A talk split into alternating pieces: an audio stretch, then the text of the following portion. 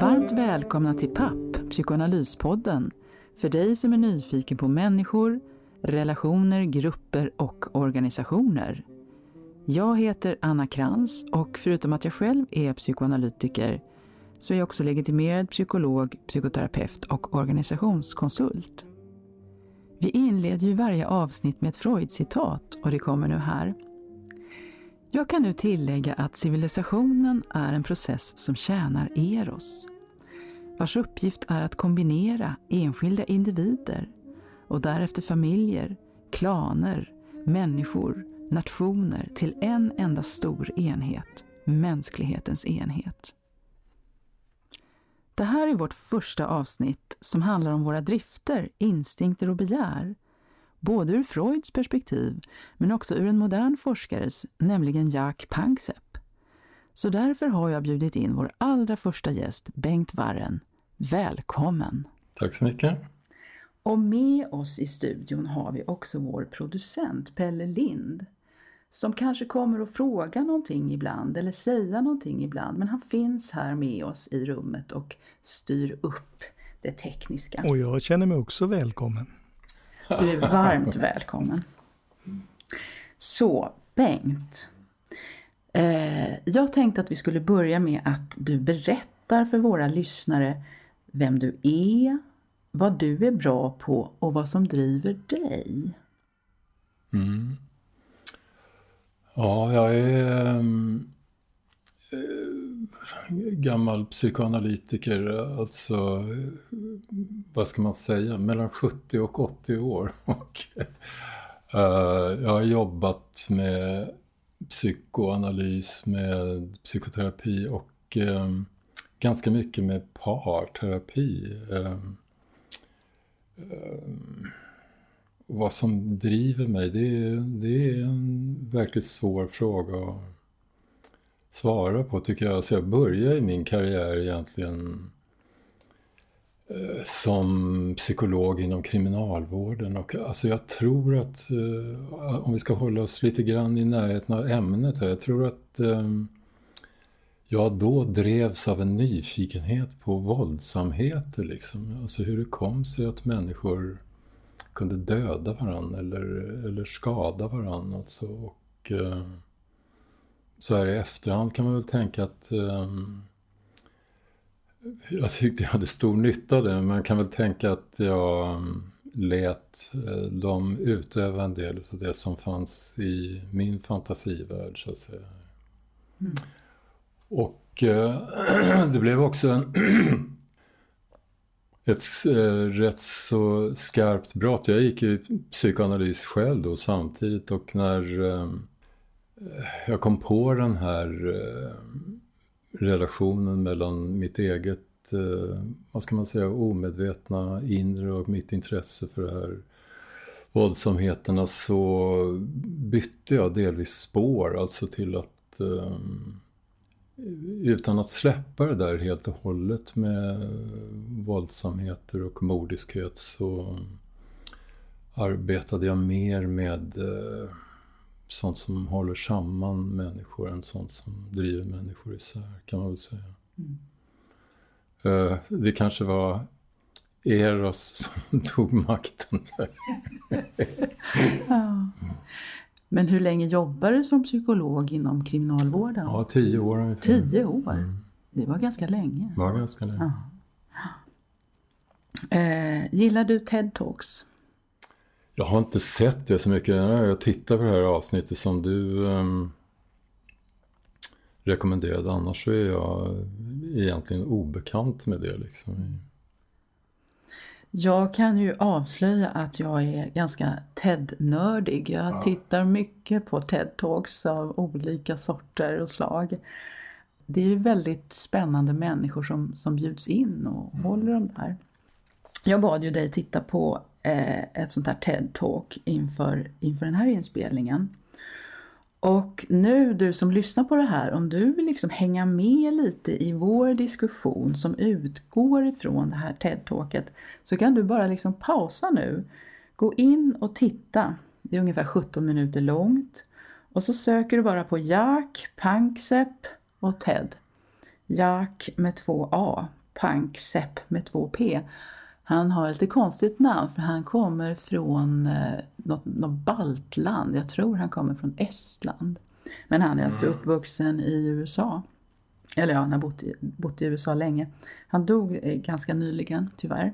Så det, det har jag ju bett dig att titta på. Och sen har vi ju också Freuds teorier om eh, drifterna. Eh, Eros å ena sidan och Thanatos å andra sidan. Eh, men där, just det där med Thanatos, där vet jag att du, du har ju en liten... Vi kanske ska reda ut lite innan vi går in i den här Panksepp-grejen. Mm. Så eh, berätta lite om, om de här två begreppen som Freud då eh, använder. Just det, bland annat eh, använder ju inte han eh, Thanatos, alltså mm, dödsguden i den grekiska mytologin. Eros däremot, det spelar ju en viktig roll. Han använder ofta det, men han säger som sagt dödsdriften och inte Thanatos. Jag har verkligen letat. Det kanske tillhör det där med eh, min bakgrund och vad jag är bra på.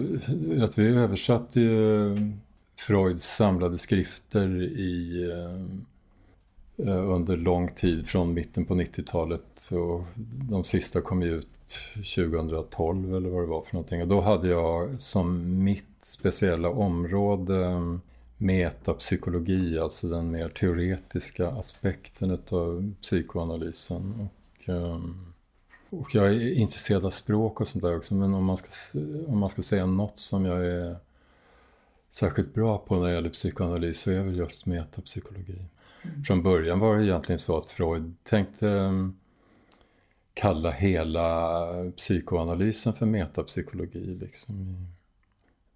Det är väl i en sorts referens till metafysik. Alltså, metafysik för oss kan ju framstå som någonting gammalt löjligt liksom. Men man måste komma ihåg på den tiden, då var ju metafysik någon, någonting som egentligen sammanfattade visdomen eller den goda kunskapen eller någonting sånt där. Igen, alltså, egentligen kom ju det ordet ifrån eh, en bibliotekarie på Rhodos har jag för mig, som skulle systematisera Aristoteles skrifter och då så gjorde han det i de här akademiska facken som vi känner till då.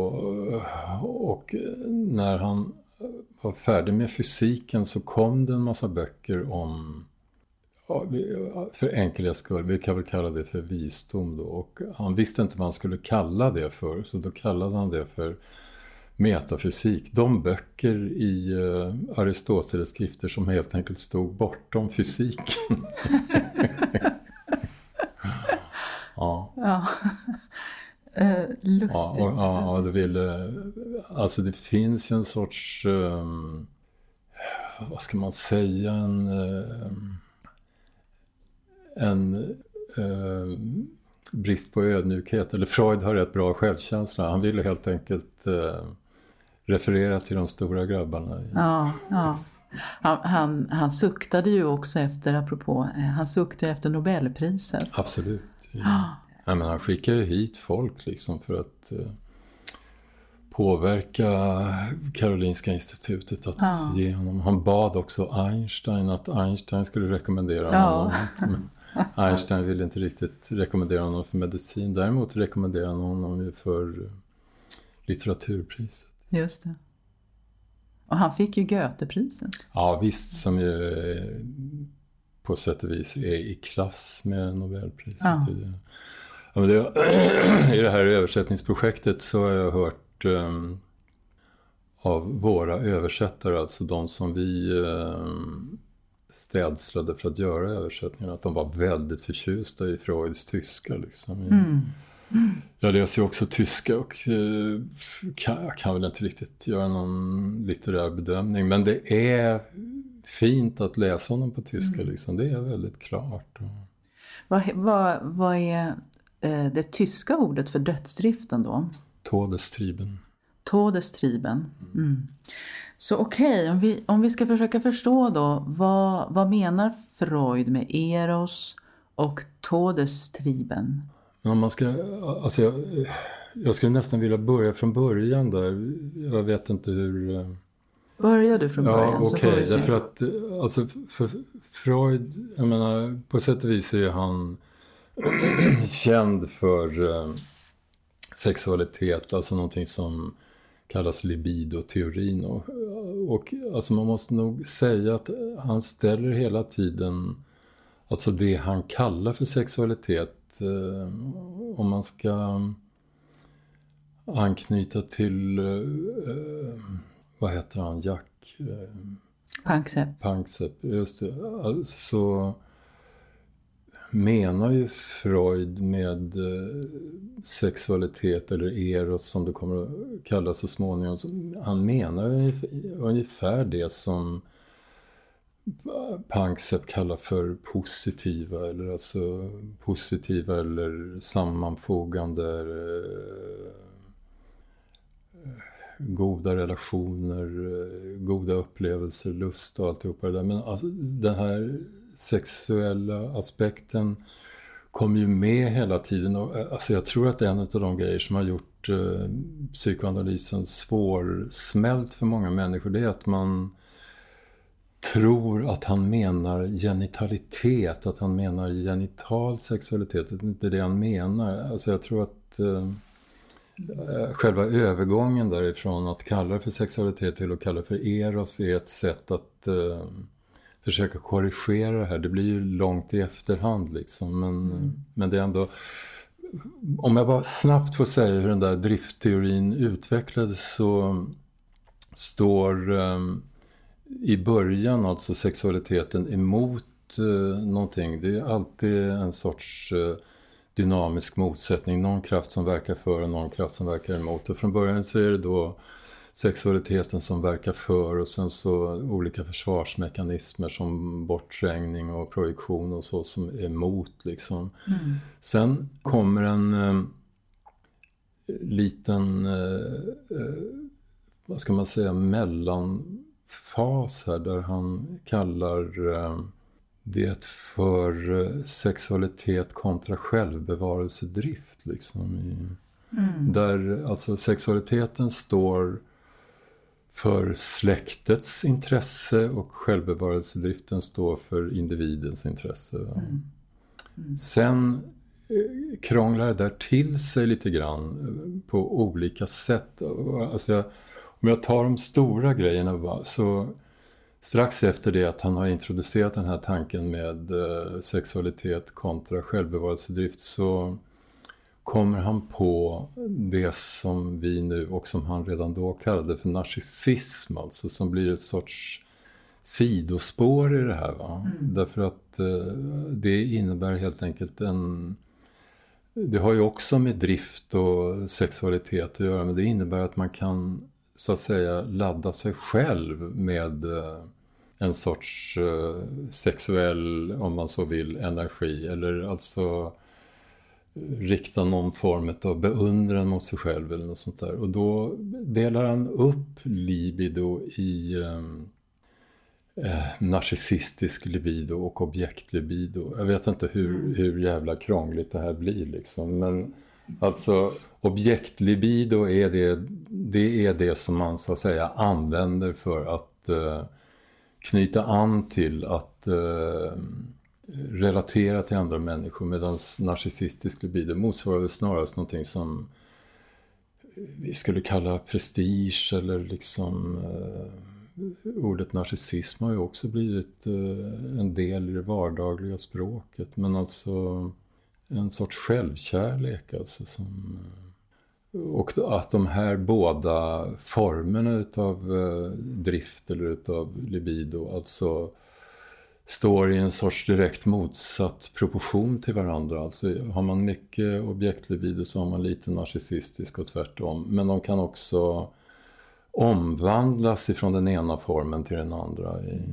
Alltså någon som är extremt egoistisk kan bli eh, eh, väldigt eh, omsorgsfull eller omhändertagande eller kärleksfull. Alltså, jag, jag tänker ändå att det där delvis kan vara en eh, aspekt utav det som eh, man genom psykoanalys eller psykoterapi helt enkelt kan bli bättre på. Men blir det en permanent förändring eller går den fram och tillbaka? Nej, det kan gå fram och tillbaka liksom. Eh, om du tänker dig att som någon dör eller att man förlorar en kärleksstrid eller någonting sånt där. Alltså att man blir övergiven helt enkelt av någon man älskar eller så då sker det ofta en sorts förskjutningar i det här.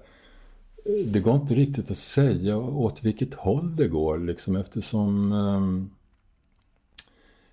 en av de saker som ändå hör nära till här som vi kanske inte ska prata så jättemycket om men det är ju Freuds eh, teoretiserande kring sorg alltså. Och sorgen kan man säga, om vi ska hålla det här driftperspektivet liksom, förmår att eh, transformera narcissistisk libido till objektlibido.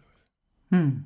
Sorg, säg det där en gång till. Sorg, Sorg förmår att transformera narcissistisk libido, alltså tänker någon som är väldigt slagen av sorg, den blir jävligt otillgänglig eller liksom drar sig tillbaka mm. eller eh, mm. Eh, I värsta fall blir eh, extremt deprimerad och eh, okontaktbar. Men själva sorgprocessen som ju innebär att man steg för steg tar till sig den realitet som man har råkat ut för. Den innebär ju, när det funkar bra, att man helt enkelt blir en mer mjuk och kärleksfull människa. Uppskattar nuet, uppskattar de relationer man faktiskt har och har kvar och sådär. Mm. Alltså blir helt mm. enkelt eh, man måste väl understryka när det funkar bra liksom. Mm. Eh, så blir man en mer kärleksfull och tillgänglig människa. Mm. Mm. Sen vet vi ju alltså, och som sagt det här kanske är ett sidospår fortfarande. Eh, man kan också fastna i det depressiva och då är ju risken att man blir eh, permanent otillgänglig eller eh, oförmögen att ta sig ur den här eh, förlusten. Och, då, och här finns det ju ett vacklande språkbruk liksom. Man, man kallar det där för sorg och jag, jag skulle vilja reservera ordet sorg för den här processen som ja, transformerar narcissistisk libido till objektlibido. Och att, man inte, och att man kallar det andra, alltså när man inte löser det här, när man inte kan ta till sig realiteten, man kallar det för depression istället. Liksom. Mm. Att det är en distinkt skillnad mellan sorg och depression. Ja. Sen kanske inte vi kan göra så mycket åt hur folk i allmänhet använder orden här, men alltså Ja, jag antar att poängen är klar. Mm. Mm. Eh, det här var alltså avvikelsen ifrån eh, driftspåret för att bara för att vi ska komma ihåg eh, den här narcissistiska upptäckten. Sen går ju Freud vidare med det där av några olika skäl. Alltså, det finns ju en vad ska man säga, filosofisk bakgrund i det här också. Jag ska försöka att inte tappa tråden för mycket nu. Men alltså, eh, Freud eh, gick ju hos en eh, 1800-talsfilosof som hette Brentano som var dåtidens Aristoteles expert och eh, plockade upp ifrån honom begreppet intention eller intentionalitet, alltså att man helt enkelt eh, skapar mening genom att ha ett mål eller ett syfte eller någonting sånt. Och eh, han var klasskamrat med Edmund Husserl som eh, grundade fenomenologin. Mm. Den, man, kan, man kan diskutera hur mycket Freud har bidragit till utvecklingen på olika fält när det gäller psykologi och medicin. Och filosofi. Men den stora grejen här för Freuds del, det var att han till skillnad från Brentano och Husserl tänkte sig att man hade omedvetna intentioner. Alltså medan Husserl höll fast vid att eh, intentionerna skulle vara medvetna och Brentano menade absolut att, att intentionerna var medvetna. Mm. Och det där eh, använder sig Freud av i boken Drömtydning som den är inte så lättillgänglig tycker jag så jag skulle nästan inte rekommendera människor som blir intresserade av psykoanalys att läsa den först. Alltså man kan möjligen läsa andra och sista kapitlet för att få någon sorts inblick i eh, Freuds tankar men resten är rätt svårtillgänglig och motsägelsefull. Men eh, min eh, poäng här är att grundprincipen för att förstå en dröm enligt eh, den här eh, första utkastet som jag tror att Freud höll fast vid rätt länge, eller antagligen hela livet, det är att drömmen är en önskeuppfyllelse. Och eh, det finns drömmar som man relativt lätt kan förstå, alltså att man helt enkelt gestaltar det man vill ha, att man gestaltar det som driften begär. Och det är klart att det rätt ofta har med infantila sexuella önskningar att göra, men det kan ha med nästan vad som helst att göra. Alltså till exempel den huvuddröm som han har som prototyp i drömtidningen, den handlar inte särskilt mycket om eh, infantil sexualitet eller så, utan den handlar ju om att han kommer på att han är skuldfri till en dramatisk händelse med en patient. Mm. Alltså, mm. Mm. Det finns flera olika sätt att förstå det där. Men i alla fall, nu är vi tillbaka på driftspåret. Eh, han hade svårt att integrera mardrömmar eller drömmar som har ett så att säga ont innehåll i den här eh, drömte- eller önskeuppfyllelsesteorin och då kommer det till eh, ett perspektiv i driftläran som ungefär handlar om att eh, vi kan också ha aggressiva önskningar och då eh, börjar det etableras en motsättning mellan sexualitet och aggressivitet så att säga. Det vill säga alltså också en aggressiv dröm, vare sig den riktar sig mot mig själv eller att jag själv riktar aggressivitet mot någon annan är också en önskan som uppfylls mm. så att säga. Mm. Och så småningom så um, efter det där så kommer han fram med den här teorin som du började med, alltså en motsättning mellan eros, alltså det som så att säga då återstår av sexualdriften och eh, dödsdriften. Alltså mm.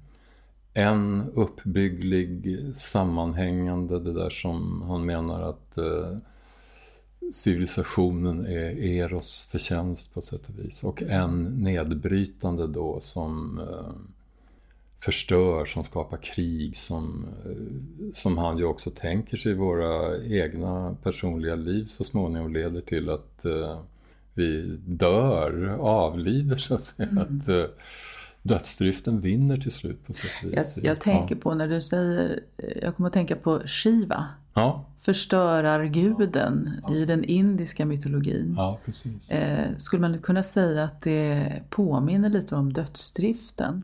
Alltså på sätt och vis tycker jag, det var väl den som Oppenheimer eh, refererade till i samband med den första atombomben. Mm. Så att äh, även om man fick välja Gud där liksom så, så alltså som beteckning på dödsdriften vore ju Shiva bättre än Thanatos liksom. Ja, ja som, som begrepp. Ja. ja, just det. Eh, jag tänker på, på nu det här med, med Panksepp. Mm. Eh, vi kan ju återvända till Freud lite, lite då och då, men jag vet inte om du kände du till Jack Panksepp sen tidigare? Nej, alltså det, det jag har stött på när det gäller affektteori det är mer Tomkins. Tomkins, ja. ja. Och jag menar, som jag fattar det så är ju um, det finns ju en minsta gemensam nämnare här även om de, de Panksepp och, och hans eh, krets eh, gör ju en mer tydligt fysiologisk forskning liksom. Ja, Eller, alltså med absolut. den här hjärnstimuleringen och alltihopa ja. det där. Alltså, Tomkins är väl mer en tänkare som liksom... Ja, han har ju inte de verktygen. Nej, han, nej, men han iakttar. Han iakttar, och, han bygger på Darwin. Ja, ja. Och, eh, han hamnar väl lite i skymundan, men sen plockar man upp honom. Ja. Eh, den här Nathanson. Ja. Eh, och sen har vi ju Alan Shore. Som också är intresserad av affekter. Jo. Som är någon sorts eh, Jack Panksepp och, och Alan Shore. Eh, är väl lite, studerar väl lite liknande. Men han, Alan Shore, tittar väl mycket på spädbarn.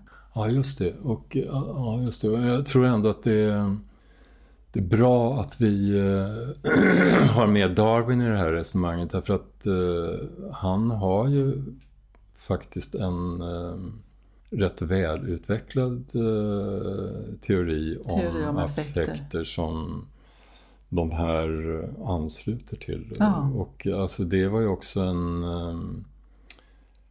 affektteori som Freud var väl medveten om. Mm. Men alltså, ja, Darwin är stor helt enkelt. Ja. Och, uh, och ja, Freud var ju väl inläst på det där. Ja. Eh, jag tänkte ställa en fråga till dig. Mm. Eh, Freud pratar ju om eh, lust och olust. Mm. Att vi söker lust, lustfyllda eh, saker och vi undviker olust.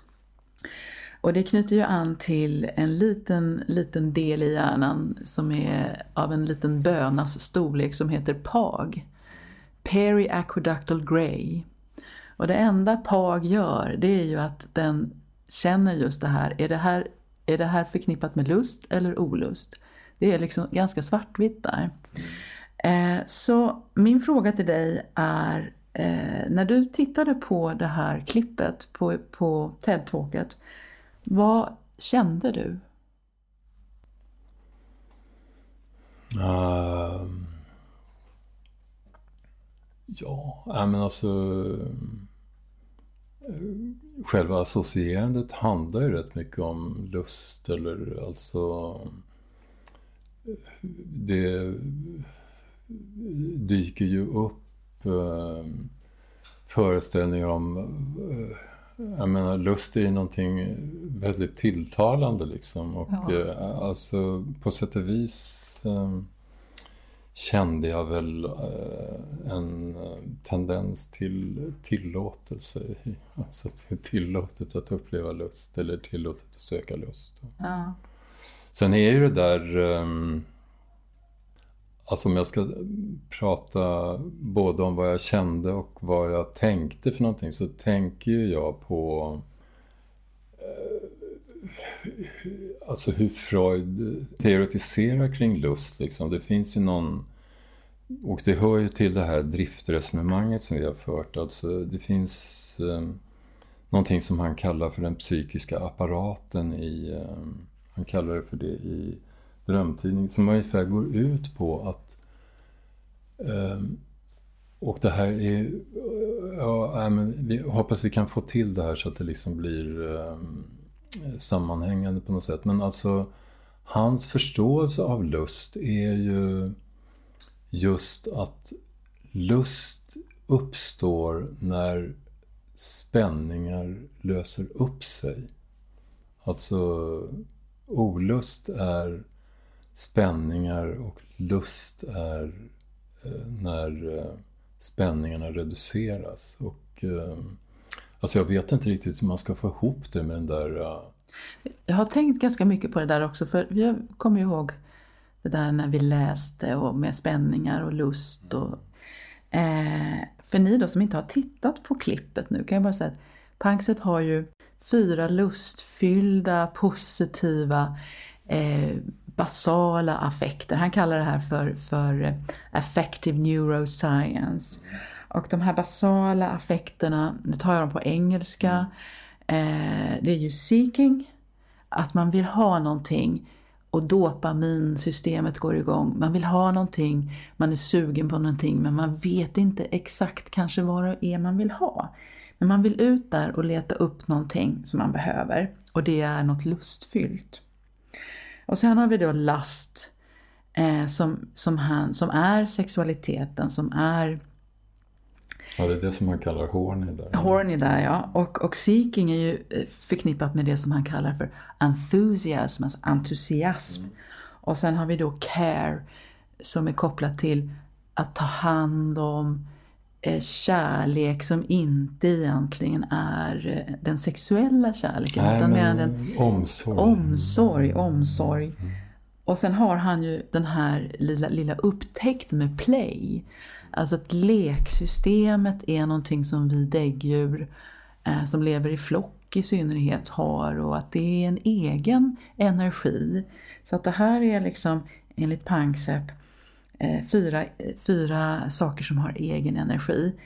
Och sen så, så har ju Panksepp pratat om men inte liksom tagit upp det här med eh, predatory rage, alltså eh, att det finns någon sorts lustfylld jaktinstinkt, tävlingsinstinkt som gör att man vill göra det där som handlar om att döda, skjuta ett djur eller eh, slå, slå någon på käften i en boxningsring. Mm. Eh, som, som, som är alltså lustfylld för den som, som gör det där.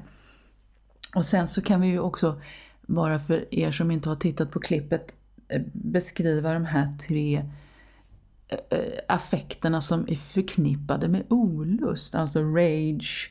Det är inte predatory rage utan rage, ilska. Eh, som, som man upplever när man är lite under attack. Man blir arg, rasande och vill försvara sig. Det är förknippat med olust. Och sen har vi då såklart fear, alltså skräck. Viktig eh, affekt för överlevnaden.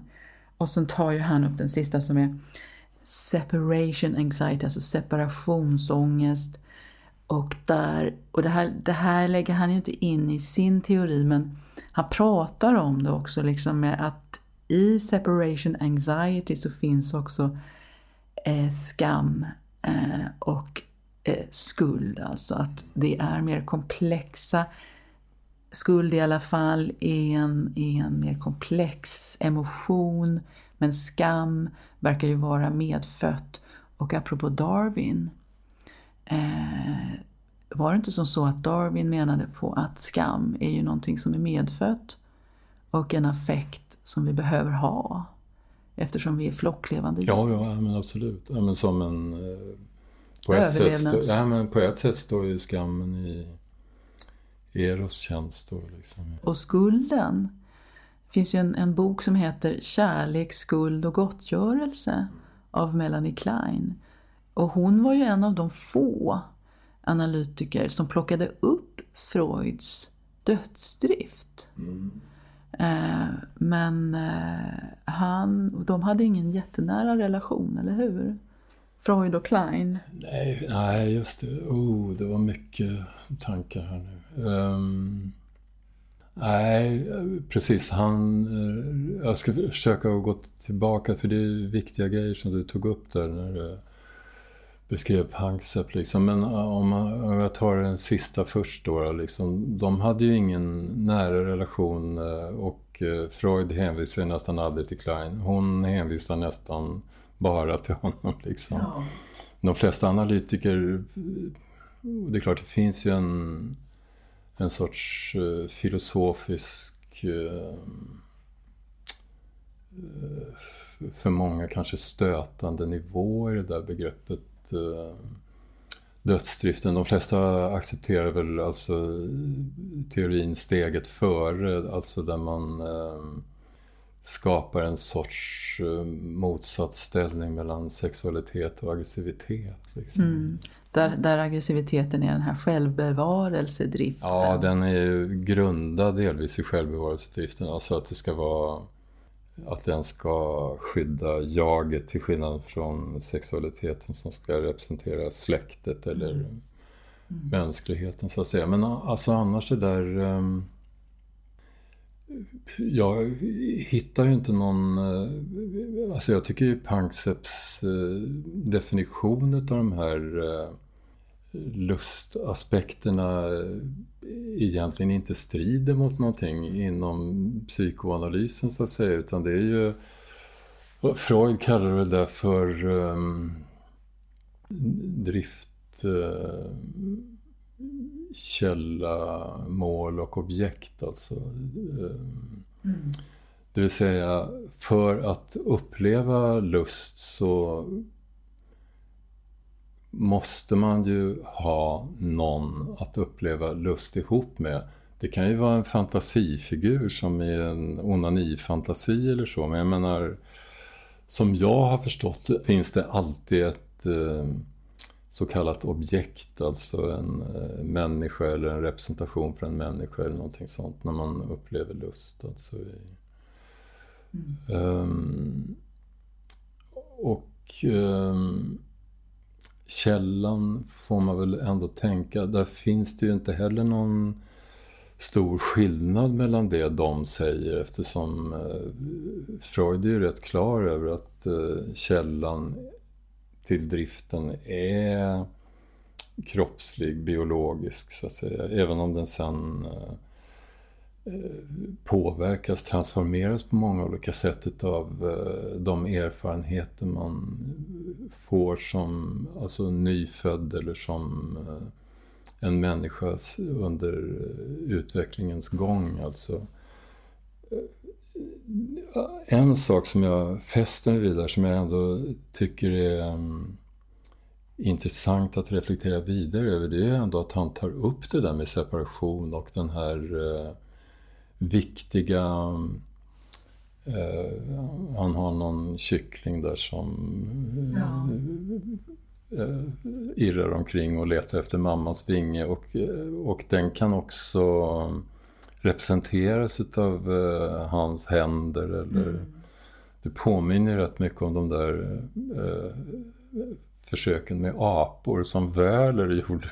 Kommer du ihåg det? När, alltså eh, han höll på och manipulerade med eh, värme. Det fanns en plåtmamma och det fanns en, en mamma ja, som var klädd med skinn. Och, mm. och alltså hans slutsats är väl inte artskild utan densamma, nämligen att eh, barnet, apan, om råttan eller om det är människan liksom söker hud, värme, mm. kontakt, skydd liksom. Mm. Mm. Och alltså då kan jag ändå tänka mig det där, alltså den differentiering som vi brukar göra mellan skam och skuld. Liksom att, eh, det verkar ju rimligt att tro, och alltså Pankseps eh, experiment kan man väl nästan säga bevisar det, att det där är affekter som vi har latent med oss. Mm. Liksom. Mm. Och alltså att skammen ändå i grunden handlar om en känsla av att inte vara älskad alltså. Alltså att man eh, har utsatts för en tidig separation eller en tidig eh, brist på skydd eller en mm. tidig brist på kärlek eller någonting sånt.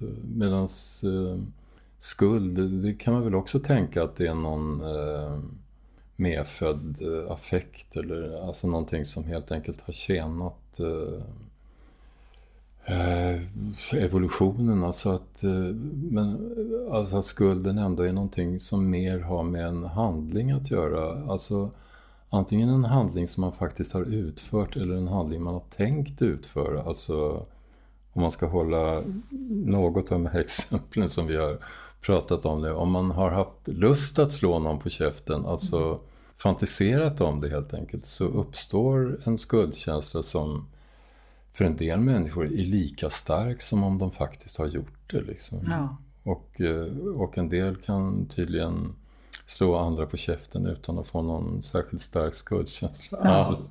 Överhuvudtaget. Ja. ja.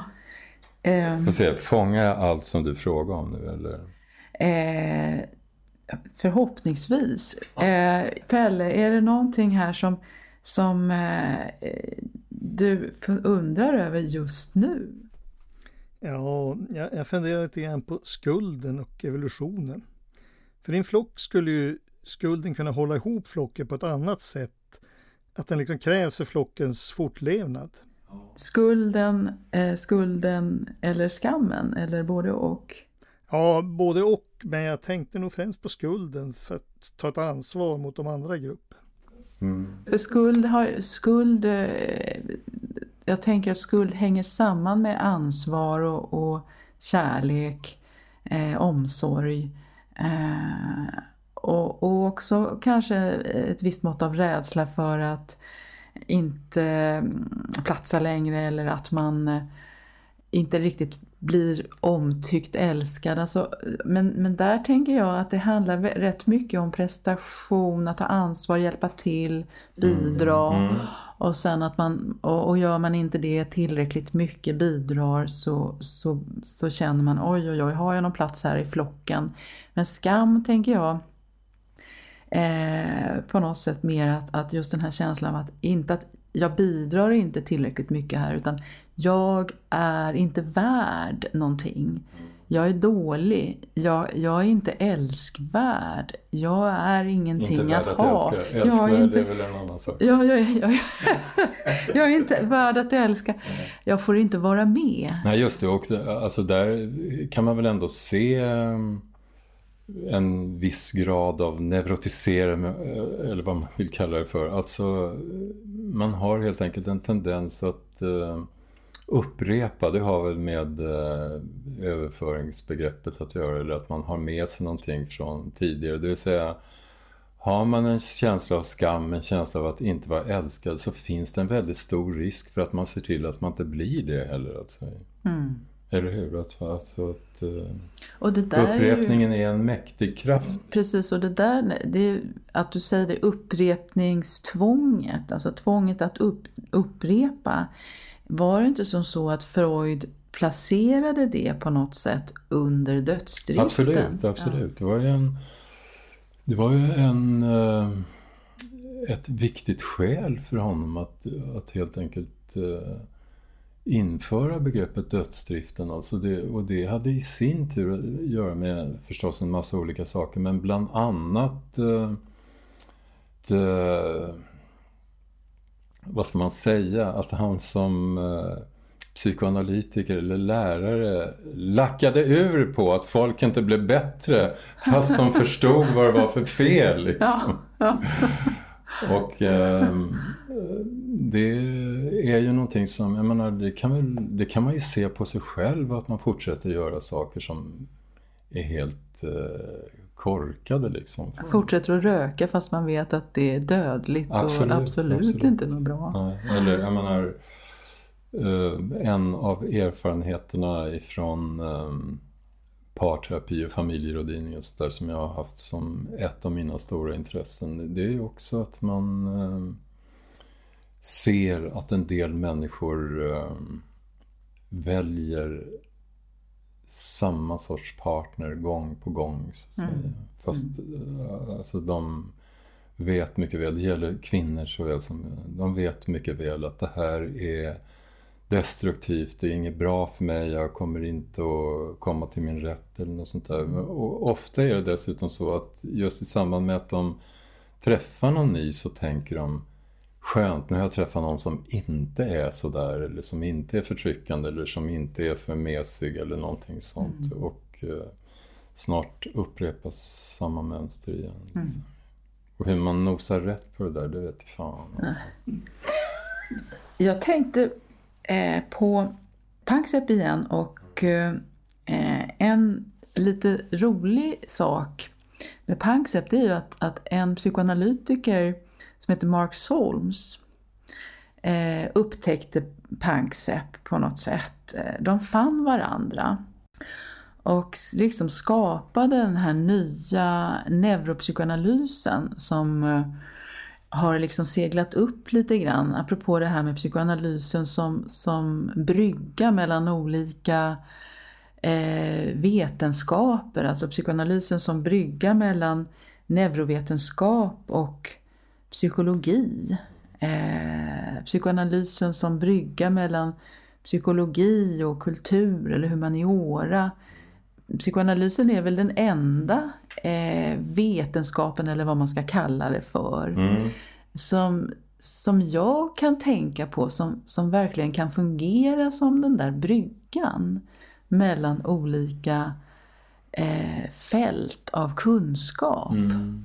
Jag vet inte vad du, vad du har Nej, för men, eh, tankar om det. Ja, absolut, jag håller med om det. Det blir ju lite prätt då att säga att det är den enda. Liksom. Det Men, kanske är lite pretto. men alltså det, det är ändå...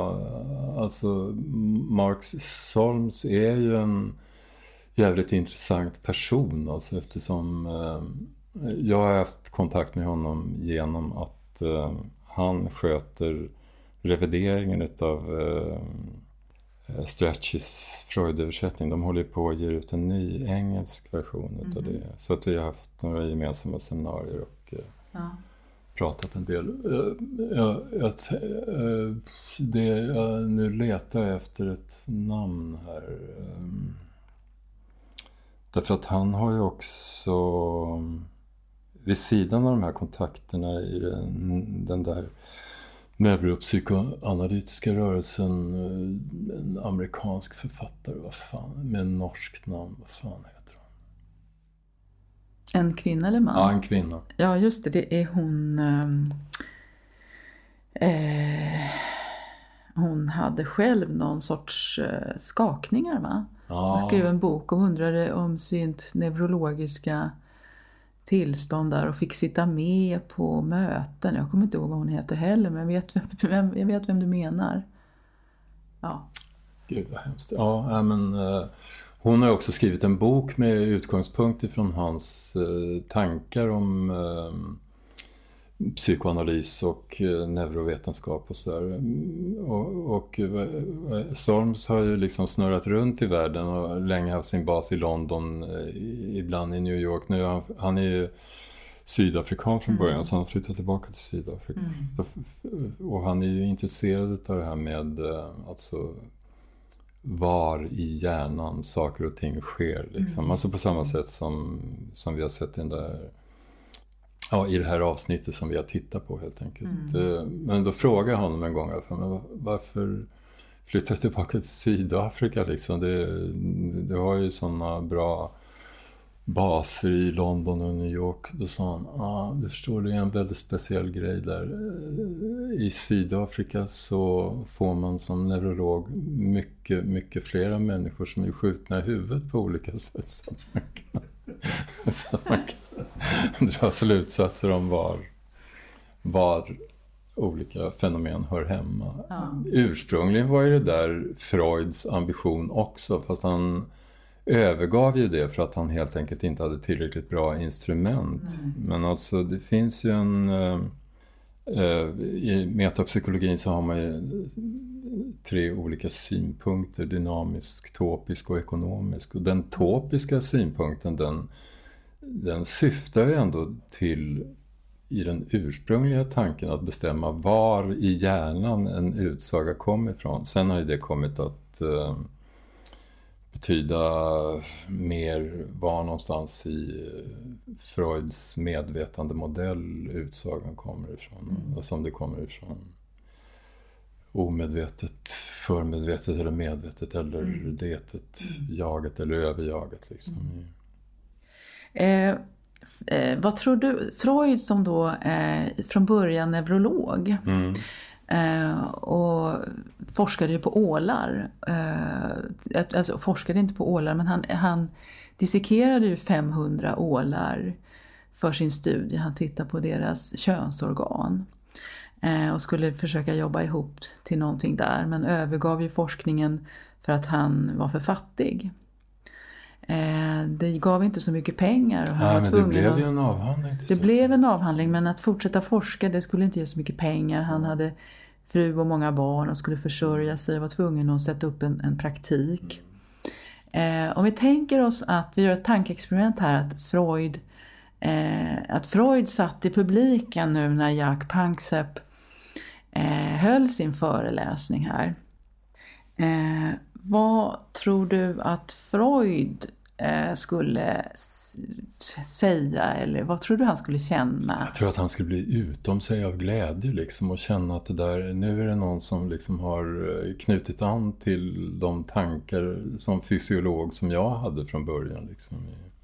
Eh, Alltså någon som har haft verktygen att kunna alltså dra Eh, de, alltså att verkligen visa att de eh, tankar som jag hade i den här utkast till en psykologi som ju var hans sista mm. försök att eh, använda sina fysiologiska kunskaper i psykologiskt avseende. Liksom. Så jag är övertygad om att han skulle vara eh, verkligt entusiastisk, om jag ska säga. Det här är någon som har följt i mina fotspår. Mm. Sen vet inte jag hur mycket Panksepp kände till om Freud, men jag menar via Solm så verkar det ändå som att han har en länk och inte är någon Freudätare eller negativ eller så. Mm. Så att det känner jag mig ändå ja. rätt bergis på att han skulle vara glad helt enkelt. Och det tror du? Ja, det är jag nästan säker på. Och varför tror du det? Ja, men alltså det kan man ju se om man, eh, som jag har gjort då, läser allt han har skrivit. Han gav ju aldrig riktigt upp den här tanken att det skulle finnas en, eh, en eh, fysiologisk bas för det som han, kan man säga, spekulerade eller filosoferade kring när det gällde hjärnan, medvetandet och alltihopa det där. Mm. Alltså det, det gav han aldrig upp. Och, var han, skulle säga att han var, han är ju, eh, dels så var han ju ateist. Mm. Och han var ju scientist, alltså en, den här vetenskapsmannen. Mm. Eh, ja men Helmholtz och alla de där, alltså tanken att allt i grunden går att förklara med fysiologiska utgångspunkter. Där var ju han, han var, han var absolut anslut, anhängare han, av det. Anhängare liksom. av det. Men i den psykoanalytiska rörelsen så finns det ju eh, olika, olika ståndpunkter.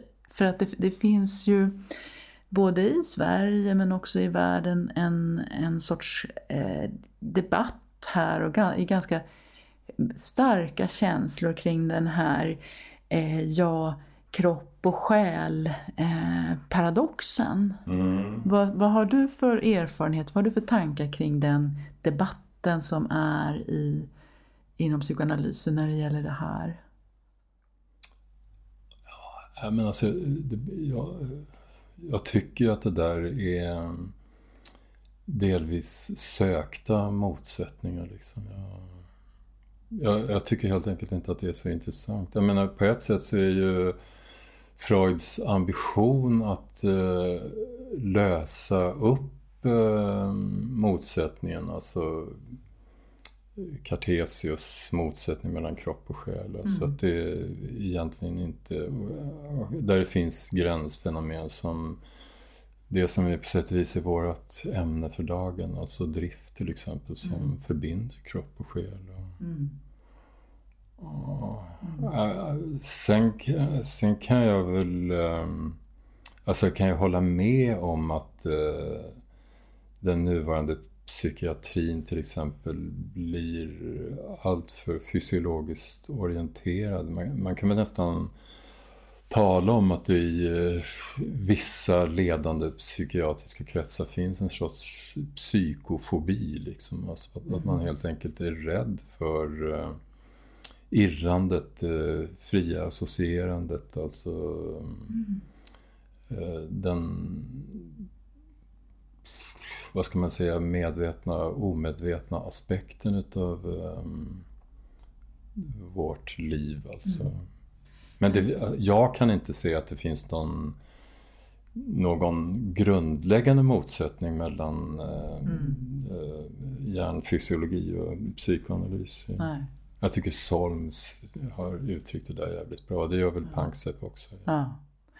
Och, och jag menar det som är, är, som är, känns bra i alla fall om man är psykoanalytiker eh, idag. Det är ju att neurovetenskapen går ju mer och mer på Freuds linje om mm. det här att den, de stora delarna är omedvetna. Mm i vårt psyke. Ja visst, och ibland presenteras det som någon stor nyhet. Ja, liksom. precis.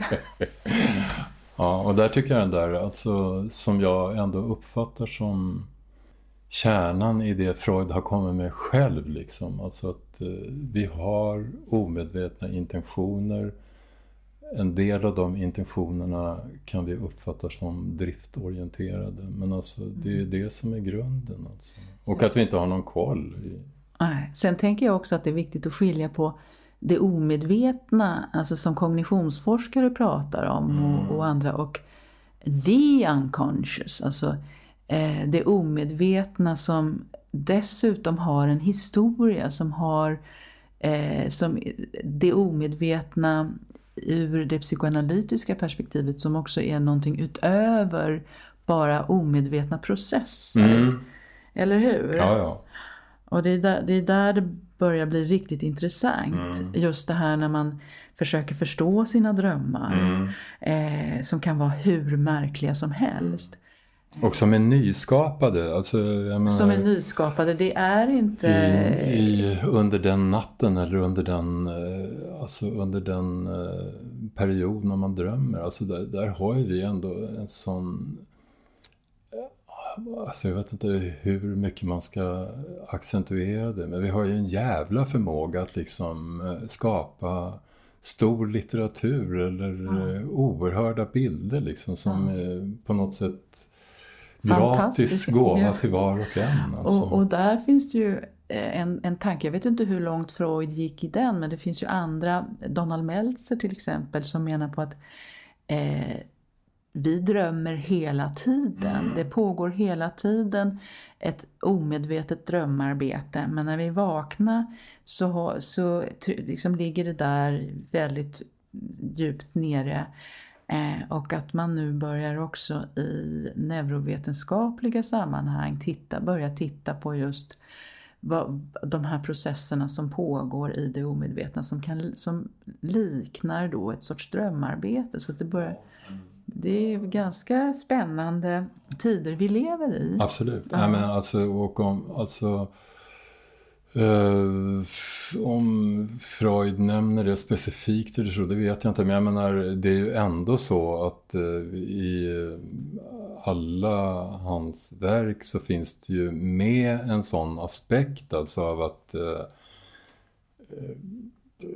Vardagslivets psykopatologi till exempel, som är en lättillgänglig bok, den handlar ju ändå om att det omedvetna är ständigt närvarande och påverkande och vi kan se det i form av eh, felsägningar och felhandlingar. Så att man plötsligt eh, blir varse om man är orienterad på det viset. Vad fan är det jag menar för någonting nu när jag liksom säger något tokigt? Ja. Okej. Okay. Eh, vi borde egentligen ha sagt fel någon gång. Jag har ja, inte vi kanske klart har. Vi kanske har gjort det. Ja, Okej. Okay. alltså det är en grej som jag skulle vilja lägga till. Jag har väl nämnt infantil sexualitet som eh, utgångspunkt för en del av driften. Jag, alltså, jag skulle bara vilja säga några korta ord om det också. Alltså eftersom eh, en del människor har uppfattat som att infantil sexualitet är den verkliga drivkraften eller sådär. Och det tror jag att vi har um, lyckats visa att det inte är bara det det handlar om. Men jag tycker ändå att det är en, uh, en sån viktig uh, aspekt utav uh, det man kan stöta på i psykoanalys. Så att, alltså, att det finns eh, kvarlämningar av det här i form av eh, derivat utav eh, infantila sexuella önskningar som vi har med oss också i vuxenlivet. Alltså huvudsakligen, man skulle kunna tänka sig eh, som Louise Ramsby till exempel har eh, skrivit och pratat om. Alltså att, att man grundlägger sådär tidigt i livet, kanske när man bara är något eller några år, en sorts eh, bas för sina onanifantasier eller sina sexuella utlevelsefantasier som huvudsakligen grundar sig på sadism och masochism eller eh, voyeurism och exhibitionism och det där eh, är någonting som jag tror är viktigt att prata om därför att eh, här rör vi oss ju delvis på det som eh, många har reagerat emot när det gäller Freud. Alltså, och, eh, eh jag tror att det kan vara en eh, befrielse för många människor att höra att det där inte är något patologiskt utan att det är någonting som mer eller mindre gäller alla människor. Mm. Eh, tror du på eh, det här fenomenet som Freud pratar om som kallas för penisavund? Klein gör ju en sorts eh, åtskillnad mellan avund och svartsjuka.